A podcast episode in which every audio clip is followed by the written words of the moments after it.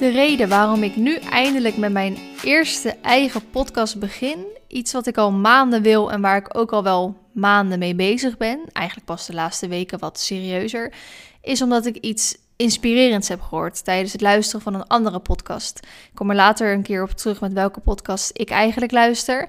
Maar daar heb ik gehoord dat je moet stoppen met het werken naar een 10. En je moet inzetten om die 10 te kunnen bereiken. Natuurlijk willen we perfectie en willen we graag een 10 bereiken. Maar als je ondernemer bent, en waarschijnlijk niet als je alleen ondernemer bent, maar ook als je niet ondernemer bent. Maar je bent heel erg creatief en je bent ook heel erg perfectionistisch. Dat zei je dus tenminste in die podcast. Dat uh, is eigenlijk een hele gevaarlijke combinatie, want daardoor komt er gewoon niks van de grond.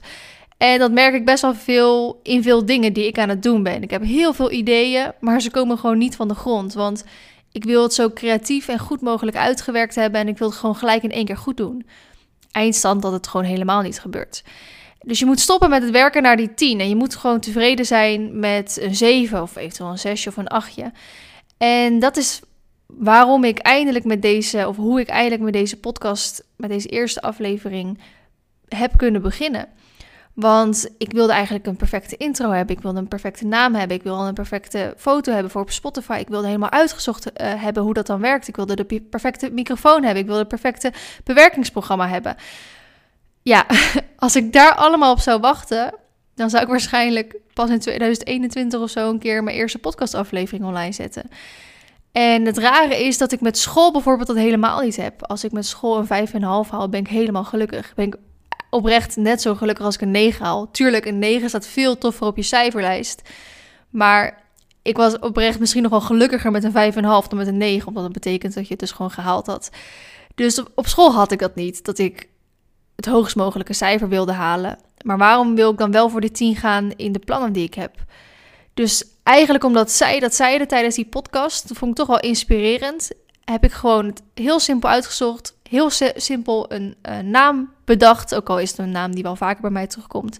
Snel een introotje gemaakt toch uiteindelijk maar gewoon een microfoon gekocht in plaats van nog honderd reviews lezen en heel veel andere dingen luisteren. Gewoon die microfoon gekocht, even snel getest en nu ben ik op dit moment mijn eerste podcast aan het opnemen. Hoi, mijn naam is Feline. Leuk dat je luistert. Normaal gesproken zeg ik altijd leuk dat je kijkt, want uh, ik ben YouTuber, Instagrammer. Ik, uh, je, je zegt ook wel als influencer, ook al heb ik echt een hekel aan die term. En uh, ik maak dus video's op YouTube en uh, ik neem iedereen mee achter de schermen op Instagram. En dat vind ik echt, echt heel leuk om te doen. En normaal gesproken, als ik naar andere mensen op een podcast luister, de ene die begint met een intro, dus wie ben je, waar kom je vandaan, wat is jouw levensverhaal en hoe kom je op het punt waar je nu bent.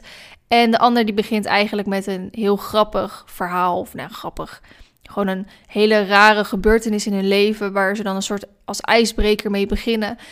En dan is inderdaad ook een soort van het ijs gebroken. En dan leer je diegene gelijk door zo'n raar verhaal best wel goed kennen. Dus ik heb over na zitten denken met welke kant ik op wil, waarmee ik dan wil beginnen. Maar ik vind het toch wel fijn om mezelf gewoon voor te stellen. Ik heb net op zich de podcast geopend met op zich een, een leerzame les die ik de laatste tijd, van eigenlijk afgelopen week letterlijk, heb geleerd. En die echt heel veel voor mij betekent. Dat ene zinnetje, stop met het werken naar die tien dat, die kan voor mij echt heel veel dingen. Echt bijna heel mijn leven kan die bepalen. Want ik moet er inderdaad eens mee stoppen. Maar ik vind het toch wel fijn om even een intro op te nemen. En even een intro, dat is niet even een intro voor mij. Want even een intro zal waarschijnlijk alsnog een uur duren. Omdat ik gewoon als ik iets uitleg, ik ook een hoop uitleg. Want ik wil gewoon altijd dat verhaal klopt. Ik spring ook nog wel eens van de hak op de tak over.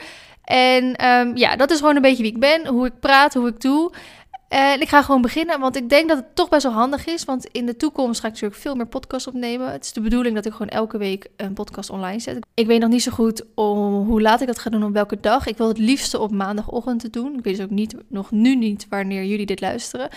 Alleen ik weet nog niet zo goed hoe je het vooruit moet inplannen. Dus daar moet ik even onderzoek naar doen. Maar ik wil het liefst wil maandagochtend doen, zodat je je maandag leuk kan beginnen met deze podcast. Alleen in de toekomst ga ik natuurlijk meerdere podcasts opnemen. En ik weet van mezelf dat ik best wel vaak refereer of terugwijs of een uh, gebeurtenis uit het verleden bijhaal. En als je niet weet wat mijn verleden is, nu klinkt het echt alsof ik een heel heftig verleden heb of zo, maar dat bedoel ik niet. Dan ja, zou je dat misschien niet zo begrijpen.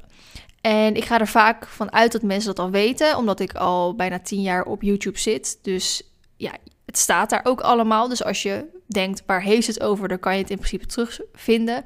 Maar ik kan er niet van uitgaan dat iedereen die deze podcast luistert ook mijn video's bekijkt. Wel aan te raden natuurlijk. maar ik ga gewoon vanaf het begin af aan beginnen. Ik ga niet mega erg in details uh, natuurlijk terug, want ik ben nu op dit moment 23 jaar. Dat wordt wel een hele lange podcast als ik alles tot in de details ga bespreken. Maar ik ga wel het in drie facetten opdelen. Eerst um, gewoon van school, volgens mij, van werk en van paarden. Maar dan ga ik wel met de paarden beginnen. Want ook al is dit een vrij neutrale podcast, um, ik ga het over veel verschillende dingen hebben. Ik ga het niet alleen maar over paarden dingen hebben. Ik ga het ook over zelfontwikkeling hebben, ondernemen hebben, liefde hebben, vriendschap hebben. Uh, heel veel dingen in het leven gewoon waar ik of tegenaan loop of iets over te vertellen heb. Of dat jullie op een gegeven moment um, dingen kunnen insturen waar je advies over wil. Waar ik dan met een vriendin, waarvan ik denk die is geschikt om daar advies over te geven, uh, jullie in ga adviseren. Dus dat vind ik ook wel heel erg tof. Maar ik vind het handig om mijn verhaal uit te leggen door middel van die drie dingen. Dus mijn werk, mijn school en de paarden. Want die lopen eigenlijk heel vloeiend in elkaar over. Maar als ik het in één groot verhaal gooi, dan zie je echt door het boom het bos niet meer. Dus ik ga denk ik beginnen met mijn schoolcarrière. Mijn schoolcarrière, of nou ja, ik ga natuurlijk gewoon beginnen. Ik ben geboren in mijn ik ben geboren officieel in Vlaardingen. Ik heb 19 jaar van mijn leven in Maasluis gewoond. Dat is een stadje uh, tussen Hoek van Holland en Rotterdam in. Ik ben dus ja, tussen Westland en Rotterdam in. Ik zeg als ik ben een Rotterdammer, maar ik weet niet zo goed waar daaronder precies valt. Maar goed, ik uh, ben daar geboren, getogen. Ik ben daar bij mijn, uh, met mijn ouders en mijn zus samen opgegroeid in een uh, rijkshuis. En mijn ouders zijn nog steeds bij elkaar tot, tot de dag van vandaag. Toen ik op een gegeven moment um, basisschool gedaan, heb ik de HAVO gedaan. En toen mocht ik het HBO gaan doen. Ik wist nooit wat ik wilde worden. Echt nooit. De ene keer wilde ik architect worden, dan wilde ik weer boswachter worden, dan wilde ik weer dit worden, dan wilde ik weer dat worden. Ik wist echt nooit wat ik wilde worden. Tot tegenstelling van mijn zus, die kon op hele jonge leeftijd al echt prachtig en supergoed tekenen. Echt altijd. En die wist dus ook gewoon van jongs af aan al wat hij wilde worden, of in ieder geval welke richting die op wilde gaan. Maar ik wist het gewoon niet. En ik vond het ook super lastig om op de HAVO op die jonge leeftijd al te gaan beslissen met welke kant ik dan op wilde gaan. Nou, toen had ik maar gewoon een heel breed vakkenpakket gekocht. Ik had E&M, dus Economie en Maatschappij, met wiskunde B en natuurkunde en geschiedenis dan. Dus ik had zowel op zich een technische kant als een economische kant. En daar kan je natuurlijk best wel veel kanten dus ook mee op. Nou, uiteindelijk heb ik toen voor de opleiding maritiem officier gekozen. Nu denk je echt, wat Feline, dat past helemaal niet bij jou als je mij op de dag van vandaag kent. Um, nee, misschien achteraf inderdaad ook niet. Maar toen dacht ik, ja, dat past wel bij mij. Omdat ik absoluut niet van 9 tot 5 banen hou. Ik hou ook helemaal niet van binnen zitten. Ik ben graag heel veel buiten en ik wilde graag veel van de wereld zien. Uh, mijn vader heeft ook in de scheepvaart gezeten. Heeft niet zelf gevaren, maar heeft wel in de scheepvaart gezeten. Dus ik vond het altijd wel interessant. Want wij gingen best wel vaak maar sluislig langs de waterweg. En we gingen best wel vaak dan daar langs wandelen. En dan zag ik die grote schepen binnenkomen. En ik vond het wel indrukwekkend. Dus ik dacht, oké, ik ga maritiem officier studeren aan de Hogere Zeevaartschool in Rotterdam. Nou, daar was ik aan begonnen. Vond ik best leuk. Uh, ze was het enige meisje in de klas, dus allemaal jongens. Had daar best naar mijn zin. Maar um, al best wel snel kreeg ik een vriendje. Dat ja, kan natuurlijk gebeuren, want je zit met alleen maar jongens in de klas. Uh, die jongens, ja, je bent ook het enige meisje. Dus uh, je krijgt gewoon best wel veel aandacht dan. En ik had best wel een leuke jongen, dacht ik toen, ontmoet. En daar had ik echt na twee weken al een relatie mee. Echt veel te vroeg eigenlijk. Maar nou goed, op dat moment, ik denk, we zijn allemaal een keer jong geweest. En hebben allemaal een keer te snel een relatie begonnen. Na twee weken had ik al een relatie met die jongen. Uh, die jongen die stopte er zelf, na ongeveer een maand of twee maanden, stopte die met de opleiding. Want het uitvalpercentage bij maritiem officier was heel groot. Het was echt 50% in het eerste jaar. Dus ook hij stopte er best wel snel mee. Dat resulteerde er natuurlijk in dat ik ook niet zoveel meer deed aan school. Terwijl ik nog wel graag door wilde gaan. Dus op een gegeven moment, nou, na een paar maanden, toen zagen de docenten en ik ook al in, Feline, dit gaat niet werken. dus heb ik ook uh, vroegtijdig ben ik ook maar gewoon gestopt, want het had gewoon geen zin of ik nou wel of niet mijn laatste tentamenweek maakte. Het had geen zin, want ik kwam toch al die punten tekort. Nou, toen uh, ging het ook uit met die relatie, want die was allesbehalve gezond. Maar daar kom ik vast nog in een andere podcast wel op terug. Als ik het uh, heb over de liefde en over relaties bijvoorbeeld. En toen leerde ik Sjoerd kennen. Sjoerd die zat bij mij al in de klas. Dezelfde klas waar uh, dus die toenmalige vriend uh, bij mij in de klas zat. Maar oprecht, ik heb Sjoerd nog nooit gezien tot, wanneer was het? Februari of april of zo. Ja, je zat met allemaal jongens in de klas en waren er zoveel. Grote klassen waren het. En ik ging gewoon met een bepaald groepje om. Waar we tijdens de introductieweek al, hè, dan vorm je meestal een beetje een groepje. Daar ging ik gewoon mee om. Dus ik zag die andere jongens ook niet echt. En mijn vriend, die ging ook, toenmalig vriend, die ging ook niet met Sjoerd en zijn groepje om bijvoorbeeld. Dus ik had Sjoerd echt nog nooit gezien. Nou, op een gegeven moment was het dan uit met die relatie. Of het zat er in ieder geval aan te komen. Ik weet het niet precies meer. En ik zag, uh, zat een beetje achter in de klas en ik zag Sjoerd daar zitten. En nu denk je van, Vlien, je, gaat, je misschien toch over je school vertellen. Nu praat je in één keer over je relatie. Maar zoals ik eerder zei, al deze verhalen gaan in elkaar over. En ik zag de Sjoerd daar zitten en ik dacht echt van... Wie is die leuke jongen die daar zit? En waarom heb ik hem nog nooit eerder ontmoet? nou, uh, dat is een beetje als een rollercoastertje gegaan. Dat is dus ook weer voor een andere, andere keer. Super grappig verhaal is dat. Maar dat vertel ik wel een keer samen met Sjoerd. Zou ik super leuk vinden. Om dat samen met hem dan aan jullie te vertellen. Nou, in juni kregen Sjoerd en ik dus een relatie. En vijf en een half jaar verder ondertussen zijn we nog steeds bij elkaar. En we wonen samen. Super gelukkig zijn we nu bezig met een huis kopen. Dus super leuk. Maar ik werd wel ondertussen van school gekikt. Ik had te weinig punten om door te gaan. Ik kreeg dus van de docenten kreeg ik de optie of je gaat mbo doen, dan kan je hier blijven. Of je moet gewoon van school af. Dat is het. Maar ja, ik vond het op zich wel zonde met mijn HAVO-diploma om dan MBO te gaan doen. Dus ik had de keuze om of een hele andere opleiding te gaan doen, maar dat wilde ik eigenlijk ook niet. Of naar andere hogescholen te gaan in het land die ook maritiem officier aanboden. Nou, dat was in Terschelling, in Amsterdam en in Vlissingen. Nou, naar Vlissingen en Terschelling hoefde ik echt niet naartoe als je uit Rotterdam komt. Uh, dus ik dacht, nou, dan ga ik naar Amsterdam toe. Want dat was op zich nog wel aan te reizen. Het was twee uur heen, twee uur terug met de trein. Je denkt nu echt, wat de fuck, Vlien, dat super lang. Maar toen dacht ik, joh, dan ga ik toch lekker huiswerk maken in de trein. Nou, prima te doen. Toen heb ik dus een jaar lang in Amsterdam gestudeerd. Heb ik daar mijn propedeuse gehaald van uh, maritiem officier. En in die zomer, dat ik overging van het eerste naar het tweede jaar van mijn HBO, toen begon dus mijn YouTube-carrière te groeien. Daar kom ik dus straks in het andere verhaal op terug. Toen was het gewoon na de zomer. Ik, heel de zomer was ik daarmee bezig. En na de zomer kwam ik weer terug in dat maritiem officierwereldje. En toen dacht ik echt, wat doe ik hier? Dit is helemaal niet welke kant ik op wil. Dit is niet waar ik mijn passie uithaal. Nou, toen ben ik natuurlijk voorzichtig al een beetje gaan zeggen van ik denk dat ik wil stoppen met de opleiding. Ik wil niet helemaal stoppen met school, ga ik een andere opleiding zoeken die hierbij beter bij past. Nou, mijn vader, die komt natuurlijk zelf uit de scheepvaart, zoals ik zei. Die vond het natuurlijk superleuk dat zijn dochter ook die kant op wilde gaan. Dus die was het er helemaal niet mee eens. mijn moeder, die had altijd zoiets van, nee, je moet doen waar je gelukkig mee bent. En Sjoerd, ja, die zat zelf natuurlijk ook in de, die deed zelf ook die opleiding. Die heeft hem uh, trouwens gewoon afgemaakt. En die is dus nu ook aan het varen, ook ander verhaal. Die had ook zoiets van, nee, of Vlien gewoon doorzetten. Je bent al een tweede jaar, hup, weet je wel, doorgaan. en allemaal zeggen ze nu, een paar jaar later van Vlien, wat een goede keuze dat je toch hebt gedaan. Wat jij wilde, niet naar ons hebt geluisterd en gewoon lekker bent gestopt. En iets bent gaan doen waar wel jouw passie in zit. En dat is gewoon super grappig. Daarbij wil ik ook gewoon gelijk dus aangeven, doe echt wat je zelf wil. En laat niemand je zeggen van nee, je moet dit doen of dat doen. Dus goed, ik gestopt met maritiem officier. En ik dacht, ja, ik ga wel een andere opleiding doen die daar dus bij past. Op zich op de HAVO kwam ik ook al in aanraking met hippische bedrijfskunde in Dronten. Ik was alleen toen, dus 17 jaar, toen ik mijn HAVO-diploma ging halen. En in Toronto was niet aan te reizen. Dus dat zou betekenen dat ik in Toronto op kamers moest gaan. Maar ik, met mijn 17 jaar, was daar gewoon nog niet klaar voor. Er zullen vast een hoop 17-jarigen zijn die dat wel aan kunnen. Maar ik vond mezelf daar gewoon nog niet geschikt voor. Buiten dat, ik moest alles zelf betalen. Ook mijn paard dus. En Marley, dat was toen mijn enige paard nog, die uh, moest ik dan ook meenemen. En de stalling daar was een stuk duurder dan de stalling die ik thuis betaalde. En ik moest alles zelf betalen. Dus ik had ook echt zoiets, shit, ik ben 17. Hoe ga ik de stalling van Marley en uh, mezelf, als ik op kamer zit, hoe ga ik het allemaal betalen? Moet ik superveel gaan lenen? Wil ik nog niet? Bla bla. Dus gekozen om toen niet voor hippische bedrijfskunde te gaan, ja, toen ik op een gegeven moment in Amsterdam dus zei: ik stop met maritiem officier. Ik ga toch voor hippische bedrijfskunde. Ik ben nu 19. Ik uh, vind het helemaal prima om het huis uit te gaan. Ik hou heel veel van mijn ouders, maar ik was het ook wel weer een beetje zat thuis. Nou, niet echt zat thuis, maar mijn zus was ook uit huis gegaan. Dus dan ben je in één keer een soort enigskind. En dan krijg je in één keer alle aandacht. En ik ben helemaal niet zo'n persoon die heel veel aandacht van zijn ouders wil hebben of zo. Dus uh, het werd een beetje verstikkend. Dus ik dacht ook gewoon van: ik ga gewoon lekker op kamers naar Dronten toe.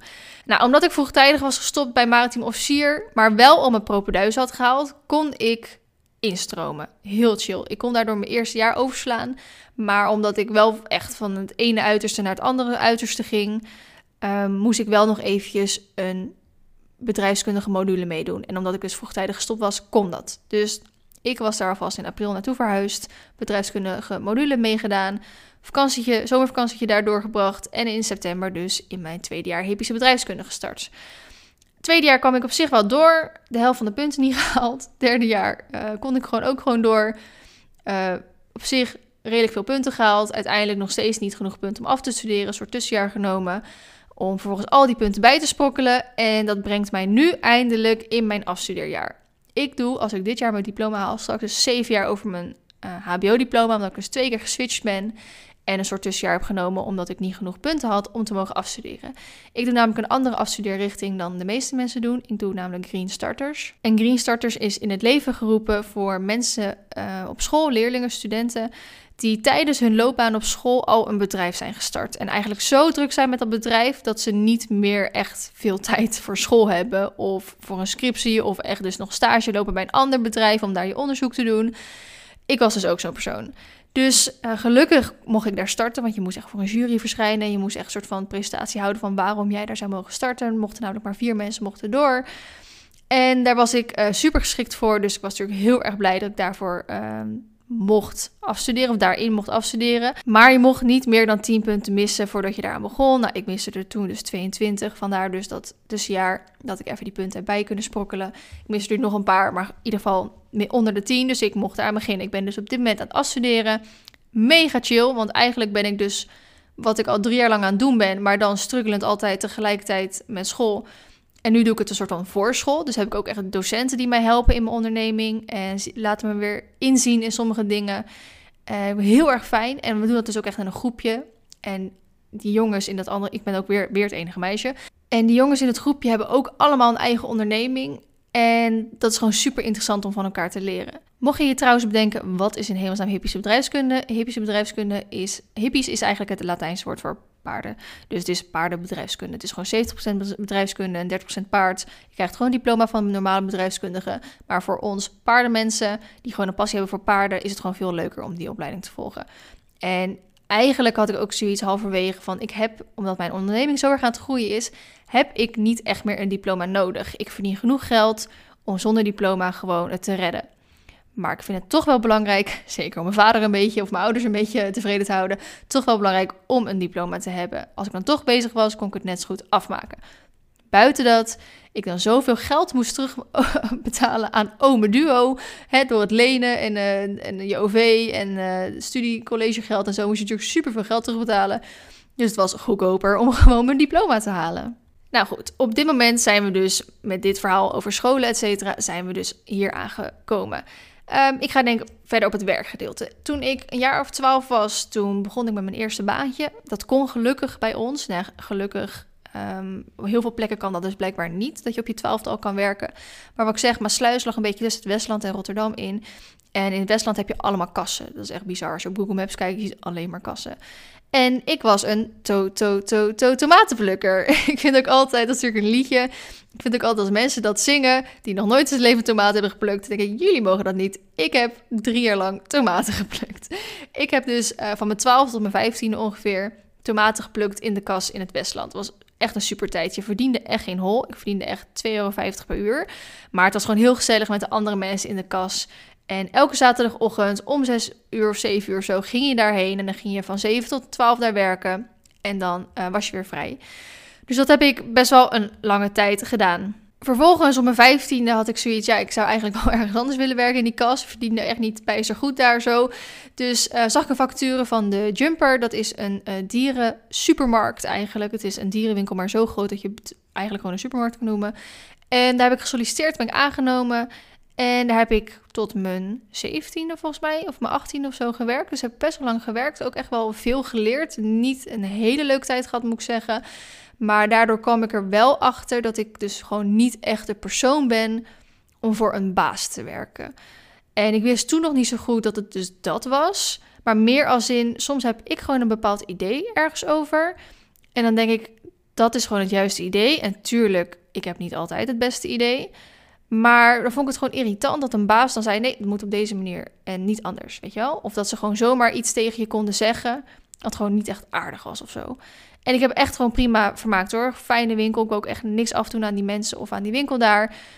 Maar als ik gewoon bedenk hoe het toen was, dacht ik, nu is het wel veel beter. Op een gegeven moment wilde ik daar dus eigenlijk wel graag weg. En kwam er een vacature vrij bij de ijssalon in Maasluis. En dat vond ik dus eigenlijk best wel leuk. Ik hou enorm veel van ijs. Ik eet nog net zo graag in de winter ijs als ik in de zomer ijs eet. Dus ik dacht, chill, daar ga ik solliciteren. Maar tegelijkertijd kwam er dus ook een vacature vrij als fotograaf in Diergaarde Blijdorp. Nou, superleuk. En omdat ik toen de tijd nog in Rotterdam op school zat, dacht ik, nou, super chill combineren. Diergaarde Blijdorp is in Rotterdam. Kan ik gewoon gelijk vanuit school kan ik, uh, foto's komen maken daar. Er was een heel vet bedrijf die met een greenscreen werkte. En niet alleen in, uh, dat staat volgens mij nog steeds daar. Dus als je ooit een diergaarde Blijdorp bent geweest en je kan dus met een greenscreen op de foto met een dier. Uh, vanaf het allereerste moment dat ze dat deden, heb ik daar gewerkt. En ik heb daar dus ook ongeveer twee jaar gewerkt. En je kan dus in Diergaarde Blijdorp kon je dat doen. Zowel met het greenscreen foto's maken als met een uh, echte camera door het park heen lopen om te vragen of mensen op de foto wilden gaan. Maar wat ook heel tof was, wat zij deden, is dat ze er met zo'n greenscreen werden uitgenodigd op evenementen. En je kan het nog niet zo gek niet bedenken of, of uh, ze stonden er. Ze stonden op het WK hockey. Ze stonden op een heel groot tennistoernooi uh, in Ahoy, Rotterdam. Ze stonden op bruiloften. Ze stonden op familielingen. Ze stonden echt op heel veel vette evenementen. En dan mocht je dan daar zo staan. En dat vond ik leuker, omdat eigenlijk het evenement ons had ingehuurd. Dus iedereen mocht gratis op de foto. Dus iedereen wilde dat natuurlijk ook. En als je in Diergaarde Blijdorp op de foto wilde, ja, moet je natuurlijk betalen om je foto te kunnen krijgen. Dus dat vond ik altijd wat minder leuk. Daar heb ik gewoon echt, echt een hele fijne tijd gehad, omdat ik het gewoon heel leuk vond om foto's te maken. Dus ik ontwikkelde al een beetje die passie daarvoor. En ik vond het op zich ook wel leuk om dus creatief bezig te zijn. En ik vond het heel interessant hoe gewoon twee jonge jongens, want ze waren volgens mij eind 20, begin 30, zoiets hadden opgezet en zo snel daarmee groeiden. Dat vond ik super interessant met hoe ze dat nou precies deden. Nou, op een gegeven moment, toen deed ik dat met redelijk uh, wat plezier. Toen, ik weet niet zo goed meer of het toen het moment was, volgens mij, dat ik dus naar Dronten ging verhuizen voor Hippische bedrijfskunde, dat ik daar dus mee, uh, mee moest stoppen. Maar dat was tegelijkertijd omdat ik dus uh, voor de Penny ging werken. De Penny is een kinderpaardentijdschrift voor een leeftijd van 7 tot 12 jaar ongeveer. En daar ging ik video's voor maken. En in eerste instantie was dat een vrijwilligersbasis. Ik zal even niet het verhaal erop ingaan hoe ik bij Penny terecht ben gekomen, want het is weer een vrij lang verhaal. Uh, dat was in eerste instantie op vrijwilligersbasis en op een gegeven moment ging dat over een betaalde basis. En ik werd dus ook als freelancer door hun ingehuurd. Dus ik moest ook mezelf bij de KVK in laten schrijven. En het bedrag van een freelancer per uur is veel hoger dan een bedrag dat je krijgt als je gewoon in een winkel ergens werkt. Omdat je natuurlijk jezelf je BTW ervan af moet doen, je vakantietoeslagen, je eventuele pensioen, weet je wel. Dus je bedrag is veel hoger. Dus ik sloeg een soort van stel achterover van, van het uurtarief wat ik kreeg. En daardoor had het ook niet zo heel veel zin meer om als fotograaf te werken. Want als ik gewoon een paar uurtjes extra voor Penny maakte, dan verdiende ik daar superveel meer mee. Dus eh, nou, ik werkte voor Penny. Ik moest elke week een video voor hem maken. En dat uh, leverde best wel leuk geld op in de maand. Doordat ik in de maand best wel goed verdiende eigenlijk, kon ik dus op een gegeven moment ook een eigen auto kopen. En heb ik er op een gegeven moment voor gekozen, omdat Marley uh, tegen die tijd in Bennekom stond, dat uh, ligt dus bij Ede, heb ik er toen voor gekozen om in Ede te gaan wonen. Want of ik nou in Ede, waar Marley stond, woonde en dan heen en weer naar school reed. Of ik woonde dus in Dronten en heen en weer naar Marley reed. Het was een uur rijden. Het was 2,5 uur met de trein. Dus ik dacht, dan woon ik liever dichter bij mijn paard. Want dan ben ik in de vakantie en de weekenden ben ik gewoon bij mijn paard. En ik hoef in principe maar drie, vier keer in de week naar school toe. En ik ga wel liever zeven dagen in de week naar mijn paard toe. Dus zo ben ik in Ede uitgekomen. En dat is een beetje de richting die ik met werk op ben gegaan. Ik heb nog heel veel andere dingen met werk. Maar daar kom ik dan straks even op in het paardenverhaaltje. Of eventueel daarna. Ik weet niet. Het loopt gewoon heel erg door elkaar heen. I'm sorry. Nou, in de paarden zit ik eigenlijk al zolang ik me herinner. Mijn ouders hebben er helemaal niks mee. We hebben volgens mij wel ergens verre familie die vroeger uh, Friese heeft gehouden. Mijn moeder die is half Fries. Uh, dus volgens mij hebben we ergens dus wel familie die Fries heeft gehouden. Maar ik ben nooit echt volgens mij in contact gekomen met die familie. Dus het komt niet vanuit mijn ouders of zo. Mijn ouders hadden er helemaal niks mee. Volgens mij hebben mijn ouders nog nooit op een paard gezeten. Maar mijn zus, die had een vriendinnetje in de klas op de basisschool. En die ging dus mee met uh, dat vriendinnetje dat reed dus paard. Mijn zus ging mee, ging ook paardrijden. Nou, iets wat je zus doet, dat doe jij meestal ook. Dus ik ging ook paardrijden. Op een gegeven moment, gewoon bij iemand, uh, hebben we dat gedaan. Op een gegeven moment gingen we naar de manege toe. En de manege was niet zo leuk meer. Dus toen kregen we verzorgponies. Mijn zus en ik deden dat toen samen. Mijn zus die uh, ging naar de middelbare school. Jongens werden interessant en ze kregen het overal daar te druk mee, dus die is gestopt. Maar ik ben eigenlijk altijd doorgegaan. Op dat moment had ik mijn verzorgpony Magic. Die heb ik drie of vier jaar lang verzorgd. En van die pony heb ik alles geleerd. Echt, je kan alles wel weggooien wat ik op de manege heb geleerd. Ik heb echt alles van die pony geleerd. Het was echt een fantastisch beest was het. Terwijl ik Magic verzorgde, verzorgde ik ook af en toe eens nog wat andere paardjes daar. Wij stonden namelijk op een pensionstal, wat ook een handelstal was. En ik moet gewoon eerlijk zeggen, die man die verwaarloosde zijn paarden enorm. Um, dus eigenlijk al die paarden waren een beetje zielig. Dus bijna iedereen die daar op de pensionstal stond, die had een soort van nog extra verzorgpaard van die man. Die man vond het natuurlijk dan top, maar ja, wij vonden die paarden super zielig.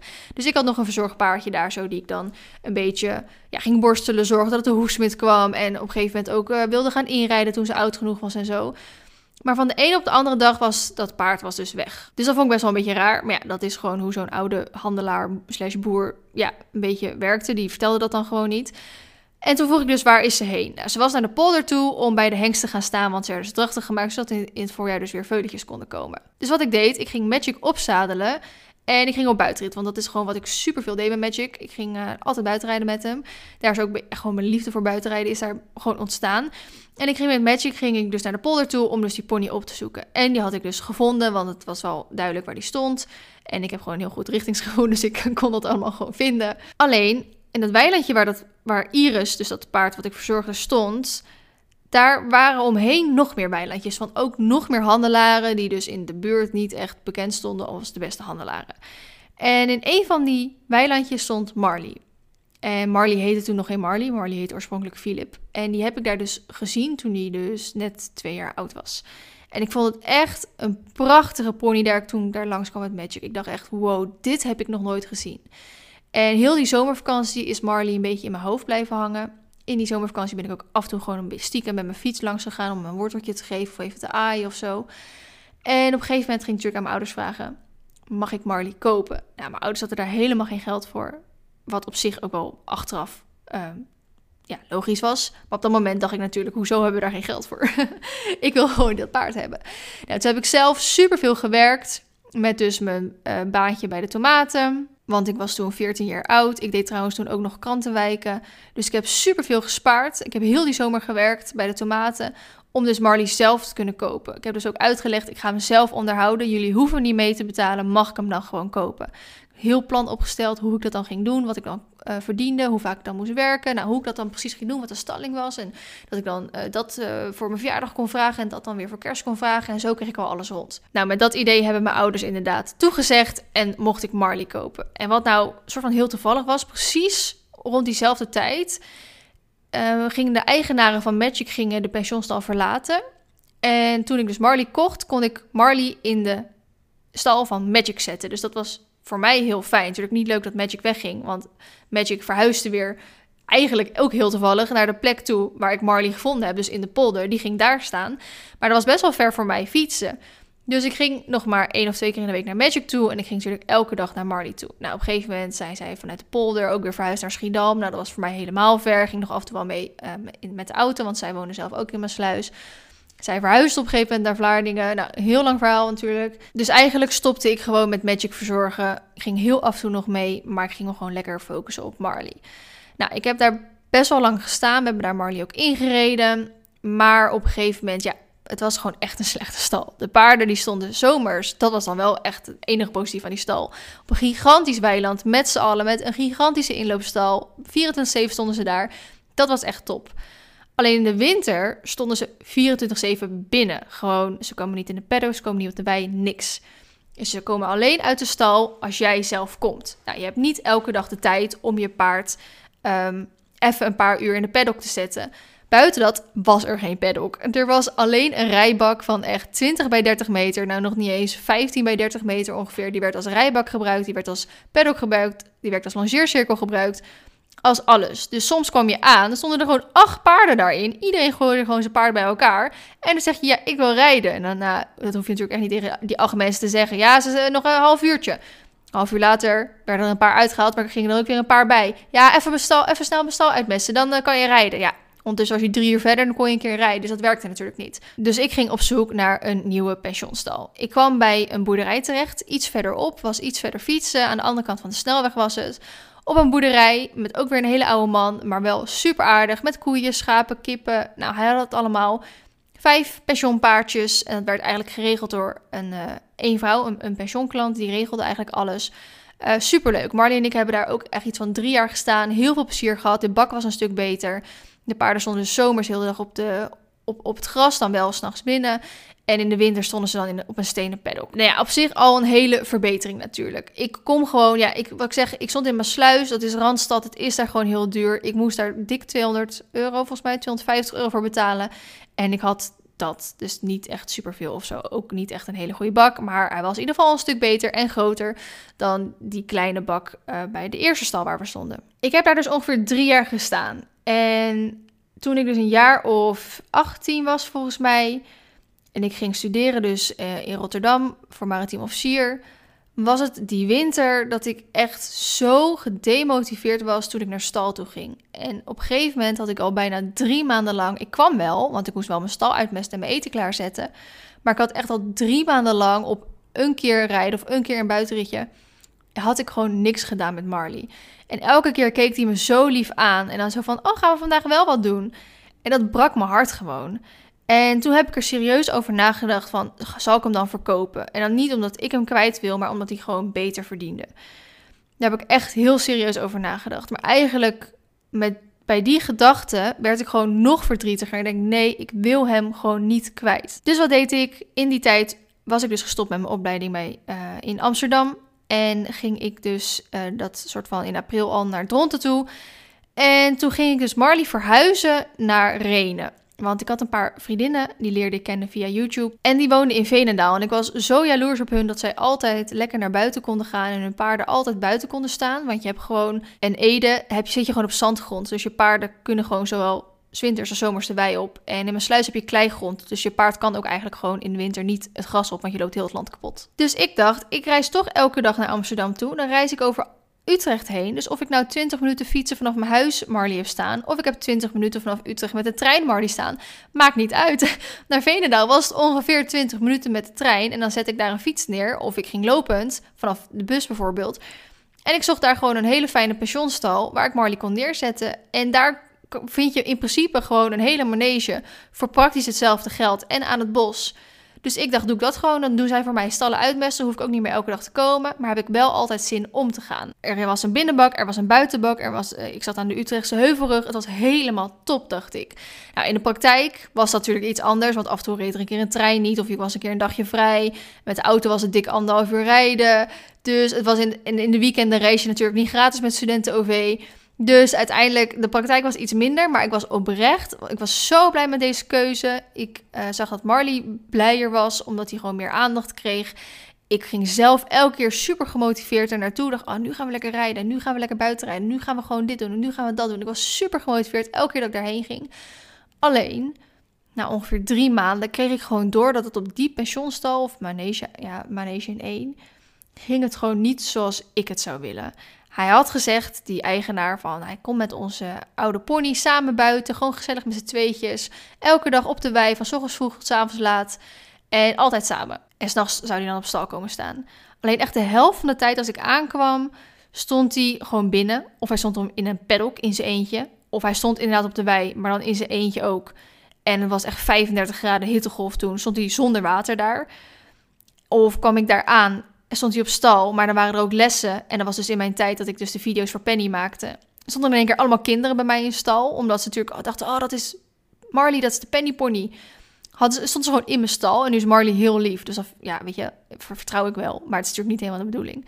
Dus toen ben ik daar ook weer na drie maanden heel snel weggegaan. Nou, hele tocht gedaan. Ben echt twintig stallen daar in de buurt langs gegaan. En toen kwam ik dus op een gegeven moment bij stal Roosendaal en Bennekom uit, waar ik nu nog steeds sta.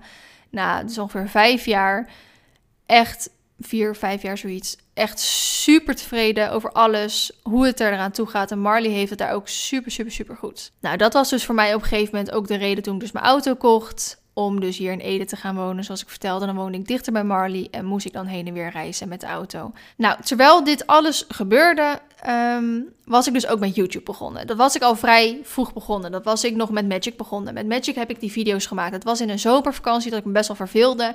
En toen de tijd was Hives er nog. En op Hives kwam ik Lotte tegen. Lotte was een meisje eh, die in Zuid-Limburg woonde. Die had ook een Appaloosa, want Magic was een Appaloosa. Daar is ook een beetje mijn liefde voor Appaloosa's ontstaan. En uh, die maakte video's en foto's van uh, haar buitenritten met haar vriendinnen. En dat vond ik super leuk om te kijken, want dat is iets wat ik niet kon doen. Want zij hadden de paarden aan huis staan en haar beste vriendinnen waren dan ook haar buren of zo. Dus het was super leuk om dat te volgen. En toen ben ik dus in zo'n zomer dat je dus verveelt, ben ik ook video's gaan maken samen uh, met Magic toen de tijd nog. Nou, vrij snel daarna dus kocht ik Marley en ging dus video's samen met Marley maken. Goede vriendin van mij die bij mij op stal stond, Mandy Routing, wat dus ook een uh, bekende paardenfotograaf tegenwoordig is. Daar heb ik dus samen, die ken ik dus al super lang. En ik ging samen met haar ging dus de video's maken. Men heeft ook super lang video's gemaakt. Die doet dat nu ook af en toe. Alleen dat waren muziekvideo's. Dus je filmt eigenlijk de paarden en jezelf en, en de paarden. Of nou ja, Mandy filmde dan vaak Marley en mij. En ik filmde dan Mandy en Baroness vaak. En je filmde ook ander soort dingen. En dan zette je dan een muziekje onder. En dan deed je een beetje leuke overgangen. En wat leuke effecten en zo. En dat was eigenlijk het paarden-YouTube-wereldje op dat moment. En dat heeft ongeveer 6 tot 7 jaar aangehouden. En na die jaren had ik ongeveer 6, 7, 8000 volgers. Dat was best wel veel in die tijd. Nu is dat niet superveel. In die tijd was dat echt best wel veel. Ik was echt wel een van de grootste uh, muziekpaarden-YouTubers van dat moment. Alleen, zoals je misschien al begrijpt, ik was dus een jaar of 13 toen ik daarmee begon. Ja, zo'n zes jaar later was ik dus een jaar of 19. Iedereen van mijn leeftijd die dat dus deed, die ging studeren die kreeg een vriendje. Dus dat stortte dus gewoon een beetje in. En we merkten gewoon dat de generatie na ons dat wel probeerde op te pakken, maar dat gewoon dat niet zo succesvol was of zo. Dus heel dat wereldje stortte een beetje in. Dus ik was er eigenlijk een beetje mee gestopt, maar ik miste het ook wel weer heel erg. En toen had ik zoiets van, toen begon dus dat vloggen heel erg op te komen, uh, bloggen, uh, maar dan meer van de beauty en de lifestyle dingen. En toen heb ik nog tegen de, de vriend van mijn zus, want dat is een ICT'er, heb ik nog gevraagd: wil je een website voor mij maken? Want dan uh, kan ik ook blogs gaan schrijven over beauty en lifestyle. Maar ik had niks met beauty en lifestyle. Ik was echt een paardenmeisje. Nou, toen kwam dus Penny om in één keer om de hoek zetten. Die zocht dus Penny reporters om het te gaan vloggen voor hun. En dat vond ik dus echt een fantastische uitkomst. Alleen voor hun, toen dat nog op vrijwilligersbasis was, hoefde ik dat maar één keer in de maand te doen. En ik had zoveel ideeën dat ik gewoon niet genoeg had aan één keer in de maand. Dus ik dacht, ik heb toch nog mijn eigen account, waar ik dus zo'n 6, 7, 8000 volgers op heb. Dus ik ga daar gewoon vlogs op maken. Nou, dat ben ik toen gaan doen. En dat ben ik dus de allereerste geweest, als het goed is, de allereerste die daar dus mee uh, is begonnen. En ik denk ook wel dat dat een van mijn succesfactoren is waarom ik dus zo groot ben op dit moment. Omdat ik gewoon echt de eerste was die daarmee begon. En dat YouTube is helemaal uit de hand gelopen. dat begon dus echt als een hobby. Ik wist ook in eerste instantie niet eens dat je er geld mee kon verdienen. Toen hoorde ik dus via andere YouTubers dat dat kon. Nou, ik had nog steeds geen idee hoe dan. Op een gegeven moment werd ik wel benaderd hoe je daar dus geld mee kon verdienen. En eigenlijk van het een naar het ander. Ik werd uitgenodigd uh, namens Penny om shows te geven op Horse Event. Uh, ik werd uitgenodigd voor, door andere evenementen om daar shows te komen geven. Ik groeide. Uh, merken wilden met mij samen gaan werken. Op een gegeven moment kon je daar ook geld voor vragen. En zo kwam gewoon het een en het ander en heb ik van YouTube echt mijn baan kunnen maken. Nooit met de intentie dus om dit te worden. Je kon ook nooit vroeger zeggen dat ik dit wilde worden, want dit bestond natuurlijk nog niet. Dit is pas iets van, van een recente tijd. En heel veel jongeren die groeien hier nu mee op. En als je aan hun vraagt wat wil je laten worden, dan zeggen best wel veel, ja, ik wil graag influencer of vlogger worden.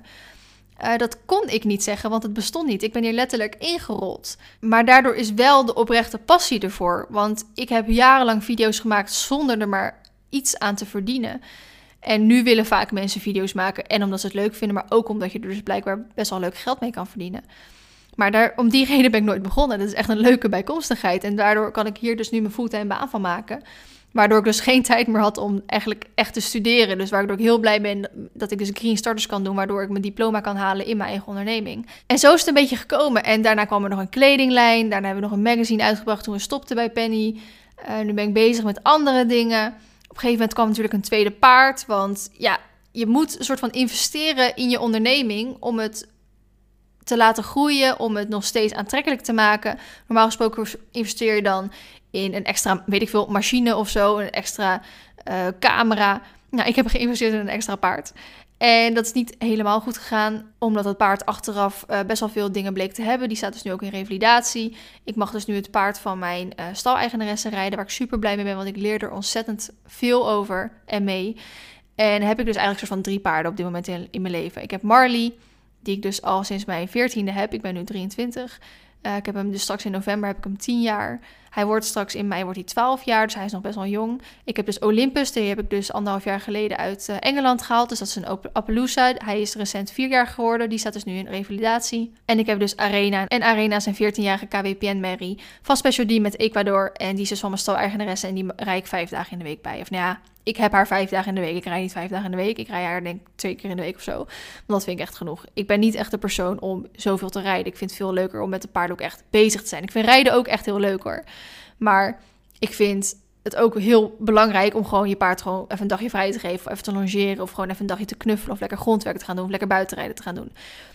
Dus zo is het een beetje gekomen. En Sjoerd en ik zijn dus uh, al best wel lang samen. We zijn dus nu aan het zoeken naar een huis.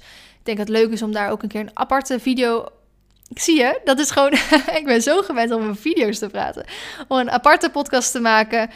Um, wat wij nou precies zoeken in een huis of hoe de bezichtingen zijn gegaan. Ik dacht dus eerst om daar gewoon een video over te maken, maar misschien kan ik het ook gewoon in een podcast doen. Ik moet dus even gaan beslissen met wat voor dingen ik in een podcast ga doen en wat voor dingen ik in video's ga doen. Maar ik denk dat het wel handig is om dus dit soort deze intro, ook al ging je dus echt van de ene naar de andere kant, en dus klinkt het voor mij heel logisch, en voor jullie denken echt van, Verlien, wat is het voor verhaal? Um, vind ik het wel heel fijn om dit dus wel eventjes te delen, want ik refereer dus best wel vaak in gebeurtenissen terug naar, oh ja, want toen ik in Dronten woonde, of toen ik maritiem officier studeerde, of de reden waarom ik naar Ede ben verhuisd, nou, die weten jullie nu allemaal. Dus dat vind ik gewoon fijn. Dan kan ik altijd gewoon zeggen, en dan snappen jullie het altijd gewoon, en dan is het gewoon net wat makkelijker. Oké, nou, uh, de richting die ik graag op wil met deze podcast, om hem dus even nu een beetje richting de afsluiting te gaan, want ik zie dat ik echt al bijna 50 minuten aan het praten ben. De podcastafleveringen worden ook echt wel richting uh, tussen een half uur en een uur. Soms heb ik een onderwerp waar ik misschien gewoon heel kort en krachtig iets over kan uitleggen. En dat je misschien binnen 15 minuten klaar bent. Maar als ik misschien samen met iemand iets samen dus gaan doen, dan kan het best natuurlijk wel zijn dat je gewoon een uur lang aan het praten ben, omdat het gewoon heel interessant is of dat het gewoon nodig is om daar een uur lang over te hebben. Nou, de richting waar ik dus graag mee op wil, is niet echt één lijn of zo. Ik vind dus ondernemen heel leuk. Ik ben heel erg bezig met zelfontwikkeling de laatste tijd. Ik ga dus zelf ook naar een psycholoog toe. Daar kom ik dus dan wel een andere keer op terug. En uh, de paarden. Dat is natuurlijk gewoon mijn passie. Dus ik vind het interessant om podcasts te maken over ondernemen en zelfontwikkeling. Maar ook om bijvoorbeeld samen met een vriendin hier te gaan zitten. Ik heb hem dus ook deze microfoon al uitgetest. Uh, of dat dan ook gaat om met z'n tweeën te praten. En dat gaat, dus daar ben ik heel blij mee. Dat je bijvoorbeeld, dat ik even een mailadres aanmaak en dat je dan, uh, nou niet vragen, maar meer situaties kan opsturen waar je graag advies over wil. En dat zijn niet dingen als in, mijn paard die loopt niet door, wat moet ik doen? Of mijn paard die um, schrikt heel erg in een bepaalde hoek, wat moet ik doen? Ja, daar heb ik wel tips voor, alleen gewoon voor elk paard werkt iets anders. Voor het ene paard werkt dit goed. En voor het andere paard ligt het aan het voer. En voor dat paard ligt het weer omdat hij niet helemaal lekker in zijn vel zit. Dus moet, moet je dan een osteopaat bij houden. Dus ik zeg altijd voor dat soort problemen, voor echt een beetje de rijtechnische problemen, zoek gewoon een instructeur. Dat is gewoon of een instructrice die jou daarmee kan helpen. Een instructeur of instructrice, privéles is echt een investering. Maar dat is het gewoon echt waard. En natuurlijk wel gewoon een goede en niet zo'n iemand die dan niet weet waar die over praat. Iemand die jou ter plekke daarmee kan helpen, werkt duizend keer beter dan ik jou daar tips over ga geven in een podcast. Dus denk meer gewoon over advies, over een bepaalde situatie. Hoe moet ik dit aanpakken? Ik heb, weet ik veel, ruzie met iemand of ik wil dit doen of ik wil dat doen. Hoe moet ik het aanpakken? Ik weet het even niet. Doe ik het wel goed? Iets in die richting. En dan wil ik dan graag met een vriendin samen gaan doen. Ik zou het super leuk vinden als jullie ook af en toe een berichtje sturen van... Nou, ik zou heel graag willen dat jij hier misschien uh, jouw ervaringen of iets over deelt. En dat doe ik natuurlijk ook super graag dan. Want ik wil eigenlijk wel gewoon elke week iets online zetten. Dus dat betekent dat er gewoon 52 keer per jaar ook uh, iets online gaat komen. Misschien ga ik het nog wel veel vaker doen als ik merk dat ik veel vaker over dingen wil praten. Maar ik ga gewoon eerst beginnen met één keer in de week. En dit, bij deze is, dat, is dit ook mijn eerste. Dus ik ben er super, super enthousiast over. Ik hoop ook dat jullie dat zijn. Ik heb geen idee of je ergens kan achterlaten wat je ervan vond. Je mag me altijd even een DM op Instagram sturen. Hooi. Uh, zo heet ik trouwens ook op YouTube dus. Dat is dus echt mijn merknaam ook, Feline Hoy. Ook al heet deze podcast Hinneke. Hinneke komt voort uit dat ik dus ook Hinneke het paardenjournaal heb op mijn YouTube. En dat heb ik eigenlijk verzonnen, ja, praten en paarden. Ja, dan is eigenlijk Hinneke kwam daar dan uit. Dus nu ben ik ook aan het praten, voornamelijk aan het praten. En grotendeels of voor een deel zal het ook paardgerelateerd zijn. En ik ben en blijf gewoon een paardenmeisje en dat is gewoon mijn passie. Dus daarom heb ik het gewoon Hinneke genoemd. De reden trouwens waarom ik deze podcast ben gestart, is omdat ik het heel fijn vind om over dingen te praten en dingen uit te leggen. En daar dus ook even de tijd voor te nemen, zodat het een compleet verhaal wordt. Ik doe dat dus best wel regelmatig in mijn video's. En heel veel mensen vinden dat fijn. Die vinden het fijn, blijkbaar, om naar mijn stem te luisteren. Die vinden het fijn dat ik zoveel uitleg. Maar toch ook best wel een aantal mensen vinden dat niet zo fijn. Die kijken liever naar een video waarin ik gewoon dingen doe. En niet alleen maar lang over dingen aan het praten ben. En eigenlijk om beide tevreden te houden, denk ik: oké, dan haal ik al die lange praatdingen haal ik uit mijn video. Daar ga ik dan een podcast over maken. En dan kan ik de video's in principe gewoon lekker video's laten.